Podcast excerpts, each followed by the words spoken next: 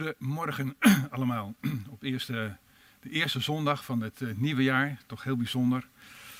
Ook voor de kijkers thuis, hartelijk welkom. Fijn dat u weer bent en uh, wens u al een gezegende dienst toe. Bij binnenkomen van de zaal hebben elkaar al de goede wensen gewenst. En dat ook vanaf deze plaats de beste wensen en vooral God zegenen bij het in het uh, nieuw begonnen jaar. Het uh, thema van vanmorgen is een hoopvolle toekomst of een hoopvol jaar. En toen ik hier zo binnenkwam en Gert-Joop hoorde zeggen over Mozes, die het, uh, dat God gezien heeft hoe de mensen uh, in welke omstandigheden heden zijn leefden en het varen van de, naar onbekende kusten, dacht ik van ja, wat moet ik eigenlijk vanmorgen nog zeggen, want het is eigenlijk mijn preek van vanmorgen. Maar goed, ik laat me daar niet door van de wijs brengen en datgene wat de Heer in mijn hart gelegd heeft, dat uh, zal ik zeker uh, met u delen. Een hoopvolle toekomst voor deze morgen. Niet een echt verrassend onderwerp, zo aan het begin van dit jaar, maar wel heel realistisch. Met name in de tijd waarin we nu leven. Het zal er niet ontgaan zijn dat ons leven er heel anders uitziet dan begin van het jaar. Hè? Eind 2019, begin 2020.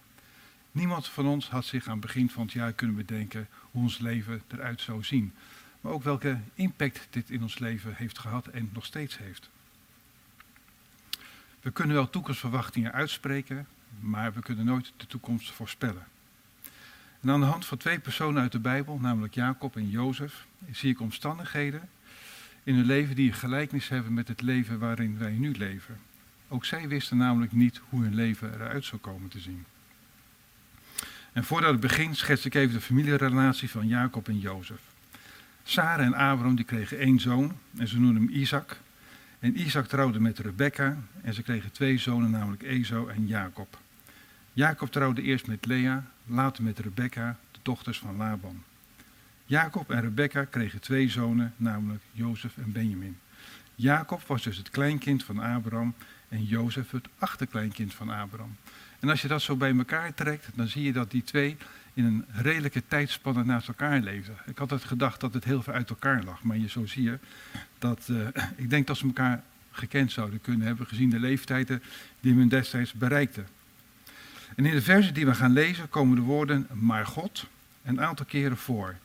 Je zou die woorden ook kunnen lezen van en dan komt God. Niet letterlijk, maar figuurlijk. Je kunt ook zeggen dat God het laatste woord heeft. En deze twee woorden waren heel belangrijk in het leven van Jacob en Jozef. Maar God, die woorden worden aangehaald in de Bijbel wanneer de omstandigheden van Jacob en Jozef niet echt rooskleurig waren. Het zat ze zelfs tegen. En ik heb voor deze twee personen gekozen omdat in ieder afzonderlijk en elk op een ander vlak verdriet, pijn, teleurstelling, eenzaamheid hebben ervaren. Maar ook hoe ze daarmee zijn omgegaan. Beide werden letterlijk en figuurlijk gevangen gehouden. Jozef werd gevangen gehouden in de gevangenis, 13 jaar. En uh, Jacob werd in feite langer vastgehouden, lees, gevangen gehouden door zijn schoonvader Laban, voordat hij met Rebecca mocht trouwen. Alleen bij de uitwerking van de levens van Jacob en Jozef lees ik dat hun leven eigenlijk helemaal niet zo slecht ging, ondanks hun omstandigheden, ondanks die tegenslagen. De bezitting van Jacob werd alsmaar groter. Zijn kudde vee nam in enorme aantallen toe, als ook zijn rijkdom die nam toe. En Jozef werd uiteindelijk de onderkoning van Egypte. En toen ik dit las, toen dacht ik, ja, wat moet ik hier nou eigenlijk mee? Maar tijdens de voorbereiding werd ik toch getroffen door twee woorden. En daar staat maar God. Of anders gezegd, en ik heb het net ook gezegd, dan komt God of God heeft het laatste woord. Want ging het in het leven van Jacob en Jozef werkelijk alles voor de wind? En toen hij mij die vraag stelde, worden wij ook niet vaak gevangen gehouden door angst, pijn, verdriet, eenzaamheid, teleurstellingen, juist in de tijd waarin we nu leven. En hoe ziet onze toekomst er dan uit? Hoe ziet dit jaar er dan uit? Dit was voor mij aanleiding om vanmorgen hierover enkele gedachten met jullie te delen. En we lezen eerst in Handelingen 7, vers 8 tot 10. Het gaat er over het leven van Jozef. God sloot met Abraham het verbond van de besnijdenis en daarom besneed Abraham zijn zoon Isaac, acht dagen na diens geboorte. En Isaac deed hetzelfde met Jacob en Jacob met de twaalf stamvaders. Omdat de stamvaders jaloers waren op Jozef, verkochten ze hem als slaaf aan de Egyptenaren. Maar God beschermde hem en maakte een eind aan al zijn beproevingen door hem in de gunst te laten komen bij de farao, de koning van Egypte, die hem wegens zijn wijsheid belastte met het bestuur over Egypte en hem de leiding gaf over zijn hele hofhouding. We kennen het verhaal van Jozef allemaal. De broers van Jozef hadden behoorlijke hekel aan hem, omdat hij het oogappel was van zijn vader. Zijn vader gaf hem mooie kleden. En Jozef die uh, droomde en vertelde die droomde aan zijn broers. En dat wekte zoveel ja, haat bij zijn broers op dat ze het plan hadden om Jozef te doden. Maar Ruben die vond het toch iets te ver gaan en stelde voor om een lege put te gooien. En dat deden zij. Toen Ruben, Ruben s'avonds bij de put kwam, zag hij dat de put leeg was. En inmiddels had de broers eh, Jozef verkocht aan de handelaren die weg waren naar Egypte. en daar is Jozef verkocht op de slavenmarkt. Daar kwam hij het huis van Potifar. En uh, ja, daar maakte hij kennis met de vrouw van Potifar, die een verdergaande ongezonde belangstelling voor Jozef had. Probeerde hem te verleiden. En uh, de vrouw van Potifar, die uh, vertelde tegen haar uh, man dat Jozef haar wilde verleiden. En de man werd zo boos dat hij hem in de gevangenis liet zetten. En daar zat hij 13 jaar. En hij legde de dromen van de schenker en de bakker uit. Toen de schenker de gevangenis verliet, toen vroeg Jozef, joh, als je bij de farao komt, vergeet mij niet, want ja, ik zit hier zo lang en ik wil er ook wel eens een keertje uit. En Jozef begon zich in een periode ja, in zijn leven waar hij tegenslag op tegenslag te verduren kreeg. Hij werd verraden, onschuldig gevangen gezet en vergeten door de schenker. En verplaats je eens in die situatie van Jozef. De hulpeloosheid, de eenzaamheid, de uitzichtloosheid in die gevangenis. Maar telkens in die situatie sprak Jozef twee woorden. Maar God. We lazen het eerder in handelingen. Maar God beschermde hem en maakte een eind aan al zijn beproevingen. Een mooie belofte is dat. En God was bij Jozef ondanks al die tegenslagen. En dit ervaarde hij enorm sterk in zijn leven. Want God had namelijk een plan met hem. En dat had hij laten zien in die dromen toen de elf uh, korenschoven voor hem bogen. En later de zon, de maan en de sterren die uitbeelden zijn vader, zijn moeder en zijn broers. En het zou al een blik zijn naar voren dat Jozef uh, een, een belangrijke plaats zou krijgen in zijn uh, leven, een belangrijke positie zou komen. Maar dit wist hij nog niet. Aan het einde van het verhaal in Genesis 50 ontdekten zijn broers dat Jozef de onderkoning was van Egypte. En ja, terwijl ze eigenlijk dachten dat hij dood was door hun toedoen. En in die tijd heerste hongersnood in uh, Canaan en God gebruikte Jozef om te regelen dat al het graan in grote schuren werd opgeslagen in Egypte. Ook zijn vader, zijn broers, die leden honger en die gingen naar Egypte om daar graan te kopen. En toen Jozef zich uiteindelijk bekend maakte wie die was, ja, toen schrokken zij. Ze werden bang. En ze vrezen dat Jozef hen zou doden. Maar Jozef zegt in Genesis 50, vers 19, wees maar niet bang. Ik kan toch niet Gods plaats innemen? Jullie hadden kwaad tegen mij in de zin. Maar God heeft dat te goede gekeerd om te bewerken wat er nu gebeurt, dan de groot volk in leven blijft. wat zien we hier? We zien hier dat God kwade bedoelingen door toedoen van anderen in levens van mensen weer kan ombuigen. Misschien herkent u zelf die situaties ook wel uit uw eigen leven. Mensen die je vertrouwen hebt gegeven en dit, dat hebben beschaamd. En dat hebben gebruikt om er zelf beter van te worden. Dat kan in kleine dingen zijn, dat kan in grote dingen zijn. Je leven kan er totaal op zijn kop komen te staan. Maar de instelling van Jozef was dat hij zijn vertrouwen en zijn geloof in elke situatie op God had gesteld. Wanneer ik naar mezelf kijk, dan kan ik niet altijd zeggen dat ik in elke situatie blindelings op God heb vertrouwd. Terwijl ik er wel van overtuigd was dat dat zijn, zijn wil was. Toch heb ik vaak op mezelf vertrouwd en op eigen inzichten en het eigen heeft soms in eigen hand genomen. Nu, jaren later, wanneer ik terugkijk op mijn leven, moet ik toch wel erkennen en bekennen dat God mij nooit heeft losgelaten en me heeft geleid uit moeilijke situaties. Het is niet dat ik in die periode niet op God vertrouwd heb en niet betrokken heb bij mijn problemen, Maar achteraf had ik meer vertrouwen in moeten stellen. En dit is voor mij een leerschool, maar ook een leerproces. En het gaat elke dag nog steeds door.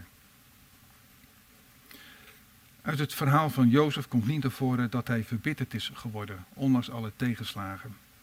Uit alles blijkt dat Jozef zijn oog op God gericht bleef houden. Ook al leek het voor hem dat God er niet was of dat God ver weg was. De tijd dat hij in de put zat, werd weggevoerd, werd verkocht, 13 jaar in de gevangenis heeft gezeten. En zeker, hij zal herhaaldelijk aan God gebeden hebben en gevraagd: God, wilt u mijn situatie veranderen? Maar er is geen bewijs dat God zijn gebeden verhoorde. Tot het moment dat de farao een droom had en die niemand uit kon leggen aan het hof. En toen de schenker ineens het idee kreeg dat Jozef nog in de gevangenis zat, waar hij de dromen uitlegde van de bakker en de schenker. En zo heeft hij weer, hè, is uh, Jozef weer onder de aandacht van de farao gekomen. En we vragen ons ook wel eens een keer af, hè, als wij in wanhoop zijn, teleurstelling, God, waar bent u en waarom doet u niets? En achteraf gezien was God er wel degelijk, maar misschien niet zoals ze dit gewild zouden hebben. Als zijn broer Jozef niet hadden verkocht, was hij nooit in Egypte gekomen. En had zijn vrouw hem niet willen verleiden.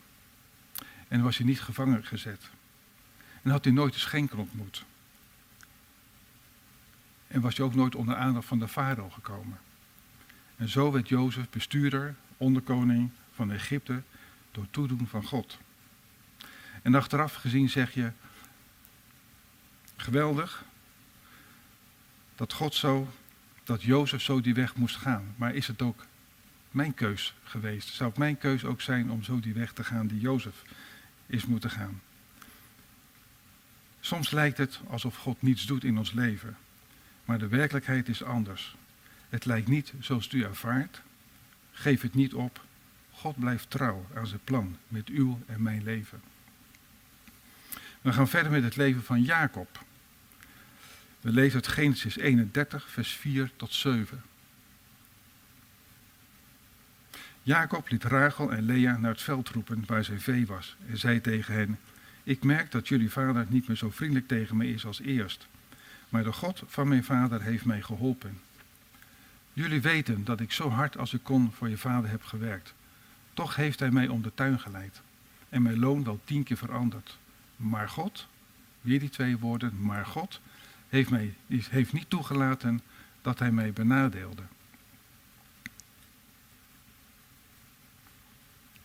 Jacob heeft zijn vader opgelicht door het eerste geboortegerecht van het ezel toekwam om een listige wijze afhandig te maken.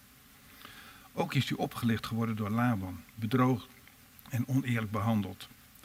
En ondanks dat alles zei Jacob, maar God laat niet toe dat hij, Laban, mij benadeelde.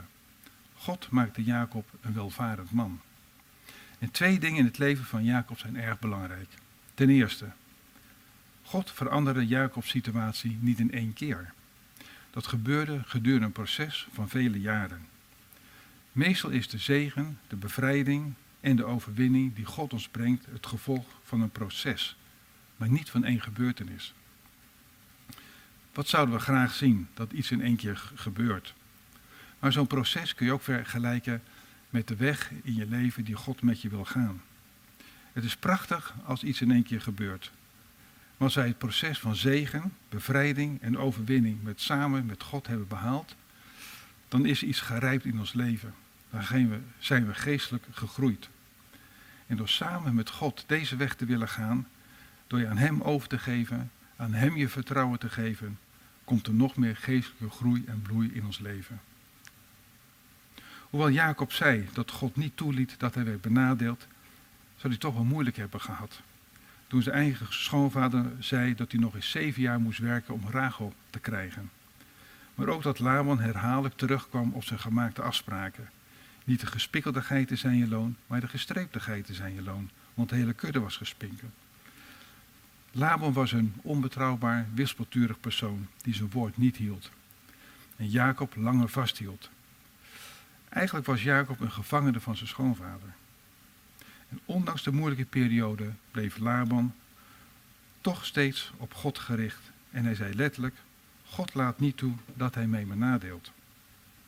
Ten tweede, Jacob was op de vlucht voor zijn broer Ezo toen God hem in een droom verscheen, waar engelen via ladder afdaalden en weer naar hem hoog klommen. Ook zag Jacob dat de Heer bij hem stond. En op die plaats deed God een belofte aan Jacob. Hij zou zoveel nakomelingen krijgen als stof op de aarde en het gebied zou uitbreiden van noord naar oost en van zuid naar west. En God zei dat hij Jacob zou beschermen, waar hij ook gaat. En toen Jacob wakker werd, toen wist hij het. Dit is de plaats waar de Heer aanwezig was en hij noemde die plaats Bethel. Maar tegelijkertijd deed Jacob een belofte aan God, door voortaan een tiende deel aan God af te staan van alles wat God hem geeft. Laten we dit lezen in Genesis 28, vers 18 tot 22. De volgende morgen vroeg zette Jacob de steen die hij als hoofdsteun had gebruikt rechtop en wijde hem door de olie over uit te gieten. Hij gaf die plaats naam Bethel. Vroeger heette het daar Lutz. Daarna legde hij een gelofte af.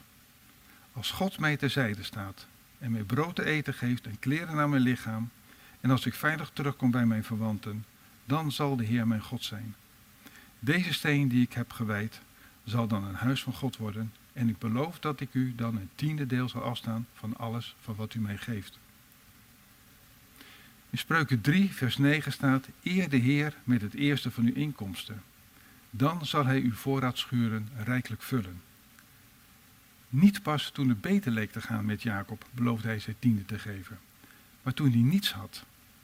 Jacob vroeg namelijk aan God, geef me iets te eten en kleren om te drinken en kleren om te dragen en breng me veilig terug. Ik beloof u dat ik dan een tiende van alles wat ik heb aan u geef.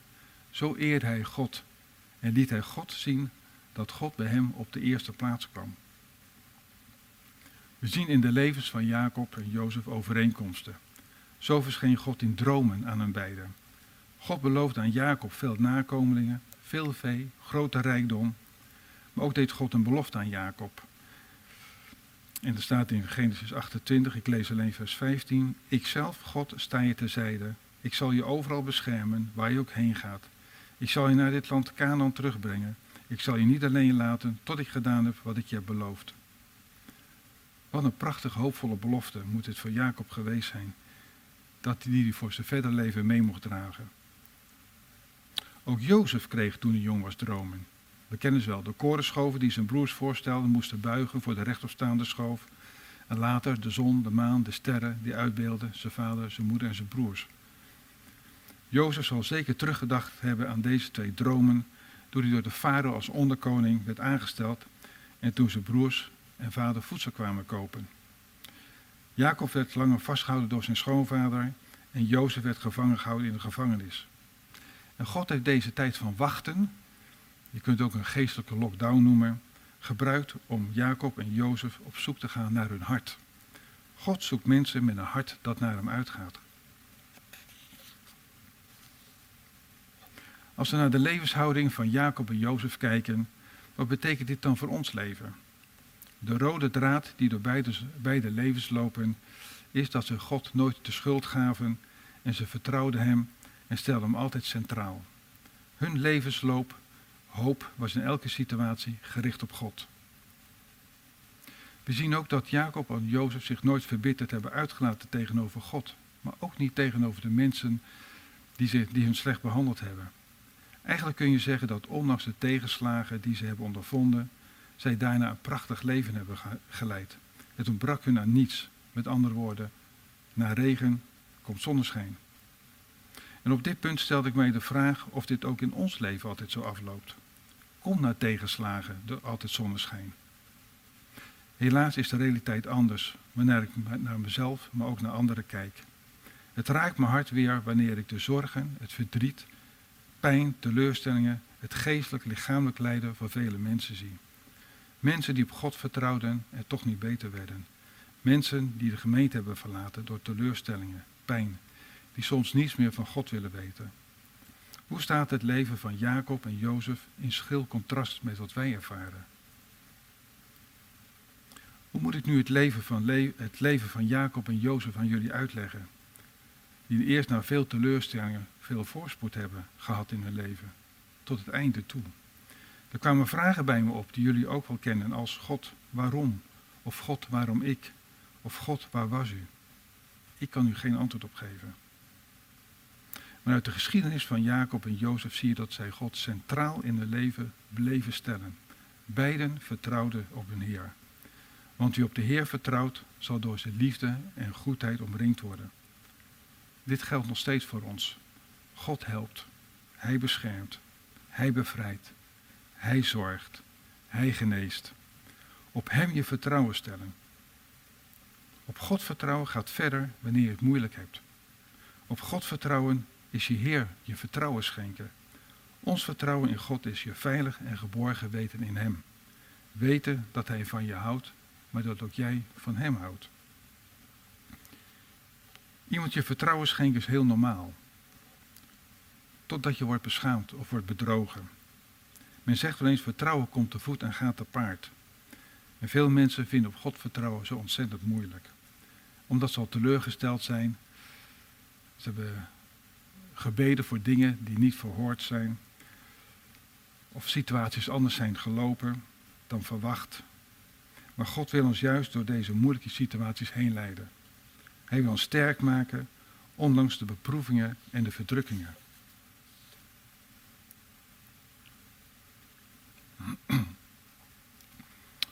Het is de boze die ons in verwarring en onzekerheid wil brengen. Door ons steeds laten af te vragen, altijd weer die vraag, waarom Heer, waarom ik, waar was u? De boze wil niets liever dat het plan van God, wat Hij met u en ons voor ogen heeft, te blokkeren. Het is hem alleen te doen om onze persoonlijke relatie met God volledig af te snijden. Wanneer we een hoopvolle toekomst willen, stel dan je vertrouwen op God. Maar durf je op God te vertrouwen? Hij beschaamt ons niet. Hij houdt zich aan zijn woord. En doet wat hij belooft. Maar als je nu teleurgesteld bent in je geloofsleven, wat dan? In Hebreeën 11 staan de namen van degenen die op God vertrouwden, zoals Abraham, Sarah, Noach, Abel, Mozes, Henoch. Mensen die hebben ontvangen van God, maar ook mensen die niet hebben ontvangen wat ze hebben verwacht in hun geloof in hun God. Maar al deze mensen hadden besef dat ze op aarde deel hadden aan een geestelijk leven in de hemel. En Jacob is een mooi voorbeeld van toen hij een droom kreeg waarin de engelen via een ladder omhoog klommen en naar omlaag daalden. En toen Jacob wakker werd, zei hij, wat een ontzagwekkende plaats is dit. Dit is niets anders dan het huis van God. Dit moet de poort van de hemel zijn. Jacob en Jozef hebben het volste vertrouwen in hun leven in de handen van hun Heer gelegd. Dit was een hele bewuste keuze. Ze hadden ook ervoor kunnen kiezen een andere weg te kiezen. Jacob had bij Laban weg kunnen gaan toen hij constant werd bedrogen. Jozef had zijn broers het eten kunnen weigeren. Hij had ze zelfs kunnen vermoorden. Maar dat deed hij niet. Maar hoe komt het dan dat het soms zo moeilijk is om God te vertrouwen? In tijden waarin alles voor de wind gaat, is het niet zo moeilijk. Maar in tijden van tegenspoed, verdriet, angst, zorg, eenzaamheid. Ik herken dit soms bij mezelf. Vertrouwen is leren de situatie los te laten en je over te geven aan God. Op God vertrouwen heeft zijn oorsprong vanuit je hart en je ziel. Wat ik in mijn leven ervaar, en misschien herkent u dit ook, is dat het verstand vaak wat anders zegt dan het gevoel vanuit je hart en je ziel. Het verstand herkent en beoordeelt omstandigheden waarin je verkeert, waardoor het vertrouwen op God vanuit je hart en ziel afbreken. De boze maakt vaak misbruik van deze situaties. En dat is vaak het moment dat je afdwaalt van de nabijheid, de goedheid, de trouw en de liefde van de Heer. Maar het gevaar schuilt er ook in dat hierdoor je geloofsbasis ondermijnd wordt. Maar ik blijf vertrouwen dat deze worsteling zal eindigen in een overwinning met mijn God. God wil niets liever dan wij onze plaats innemen in de hemel en daarna gaan functioneren. We zijn wel op deze aarde, maar we zijn niet van deze aarde. Met andere woorden, we leven wel hier op aarde, maar ons verblijf is bij onze Heer. Wij zijn hemelburgers, hemelburgers van het Koninkrijk van God. Daar is ons geestelijk leven, daar is onze plaats, daar is ons geestelijk thuis. En om in die hemel te leven is het nodig dat je je leven volledig uit handen geeft. Dus volledige overgave. Durf los te komen uit je comfortzone. Wanneer God ons oproept om niet steeds naar het verleden te kijken, dan houdt het in dat Hij wil dat we vanuit Zijn genade, Zijn vergeving, in Zijn nabijheid leren leven en gericht zijn op de toekomst. In de Bijbel lezen we telkens weer dat Gods genade ons tot andere mensen kan maken. En dat Zijn vernieuwingen openingen geeft. Daar waar wij ze niet voor mogelijk hielden. Maar het houdt ook in dat we in dat proces in ons leven ook onze zwakheden en tekortkomingen tegen zullen komen. Maar juist die zwakheden en die tekortkomingen, die bepalen ons bij Gods genade. Het leren rusten in zijn genade is een levensles. Een heel belangrijke levensles, maar ook een belangrijke levenskeuze. Soms denk ik wel eens dat God de geestelijke lat voor ons heel erg hoog legt. Maar als ons vertrouwen op Hem stellen, is Hij in staat om ons over deze geestelijke lat heen te tillen. Vanuit Zijn genade en liefde voor ons. Ten slotte, ik wil eindigen met de tekst in Efesius hoofdstuk 2, vers 4 tot 7. Daar staat, maar omdat God zo barmhartig is, omdat de liefde die Hij voor ons heeft opgevat zo groot is, heeft Hij ons, die dood waren door onze zonden, samen met Christus levend gemaakt. Ook u bent nu door Zijn genade gered. Hij heeft ons samen met Hem uit de dood opgewekt en onze plaats gegeven in hemelsferen in Christus Jezus. Zo zal Hij in de eeuwen die komen laten zien hoe overweldigend rijk Zijn genade is, hoe goed Hij voor ons is door Christus Jezus. Door Zijn genade bent u immers gered, dankzij uw geloof. Dit is een hoopvolle toekomst. Geloof vraagt om een volledige overgave. Deze overgave is niet één keer, maar een keuze, die maak je elke dag. Hoe vaak zeggen we niet dat ons leven in Gods handen is? We hebben het laatst nog gezongen in het laatste lied. David bad in Psalm 31, in uw handen beveel ik mijn geest. En hij bad dit omdat dit de veiligste plek in hemel en op aarde is. De beschermende handen van God en van zijn Zoon Jezus Christus zegt er ook in Johannes 10, vers 29. Niemand kan iets roven uit de hand van mijn Vader. Zo'n God hebben wij, een God met een beschermende hand waar je veilig bent. In zijn handen mag je schuiven. Dit geeft ons een diepe rust. Maar achter Gods hand is ook Gods hart. Dit hart is boordevol van liefde, ontferming, vertroosting en genade. Dit vaderhart hebben we leren kennen in Christus Jezus. Een hart dat naar ons uitgaat. Vertrouw ook in 2021 je volledig aan zijn handen toe. Die je willen leiden, hoe onbegrijpelijk de weg soms kan zijn van zorg, verdriet, teleurstelling, eenzaamheid. In Jesaja 50 staat, mijn gedachten zijn niet jouw gedachten en mijn wegen zijn niet jouw wegen. We weten niet wat 2021 voor ons persoonlijk gaat betekenen of hoe ons leven eruit gaat zien. Maar één ding weten we wel zeker. God kent ons. Hij weet hoe we ons voelen in mooie tijden, in slechte tijden, moeilijke tijden. God wil dat we een hoopvolle toekomst met hem hebben. En ik sluit af met de tekst uit Jeremia 29, vers 11. Daar staat, mijn plan met jullie, met ons, staat vast, spreekt de Heer. Ik heb jullie geluk voor ogen, niet jullie ongeluk. Ik zal je een hoopvolle toekomst geven. Amen. Zullen we samen bidden? Dank u wel, Heer, dat u dank zeggen voor deze morgen, dat u met uw geest aanwezig was. Dankend voor de liederen die we hebben gezongen. Dankend voor ieder van ons persoonlijk hier in de zaal. Maar ook voor de mensen thuis die kijken. Heer, u kent ons persoonlijk zoals u Jacob en Jozef kende en ook juist in de moeilijke omstandigheden. Met u gaan we een hoopvolle toekomst tegemoet. Maar ik bid ook om uw troost, uw genade en uw kracht. Bij u mogen we altijd schuilen en u draagt ons in uw handen. Amen.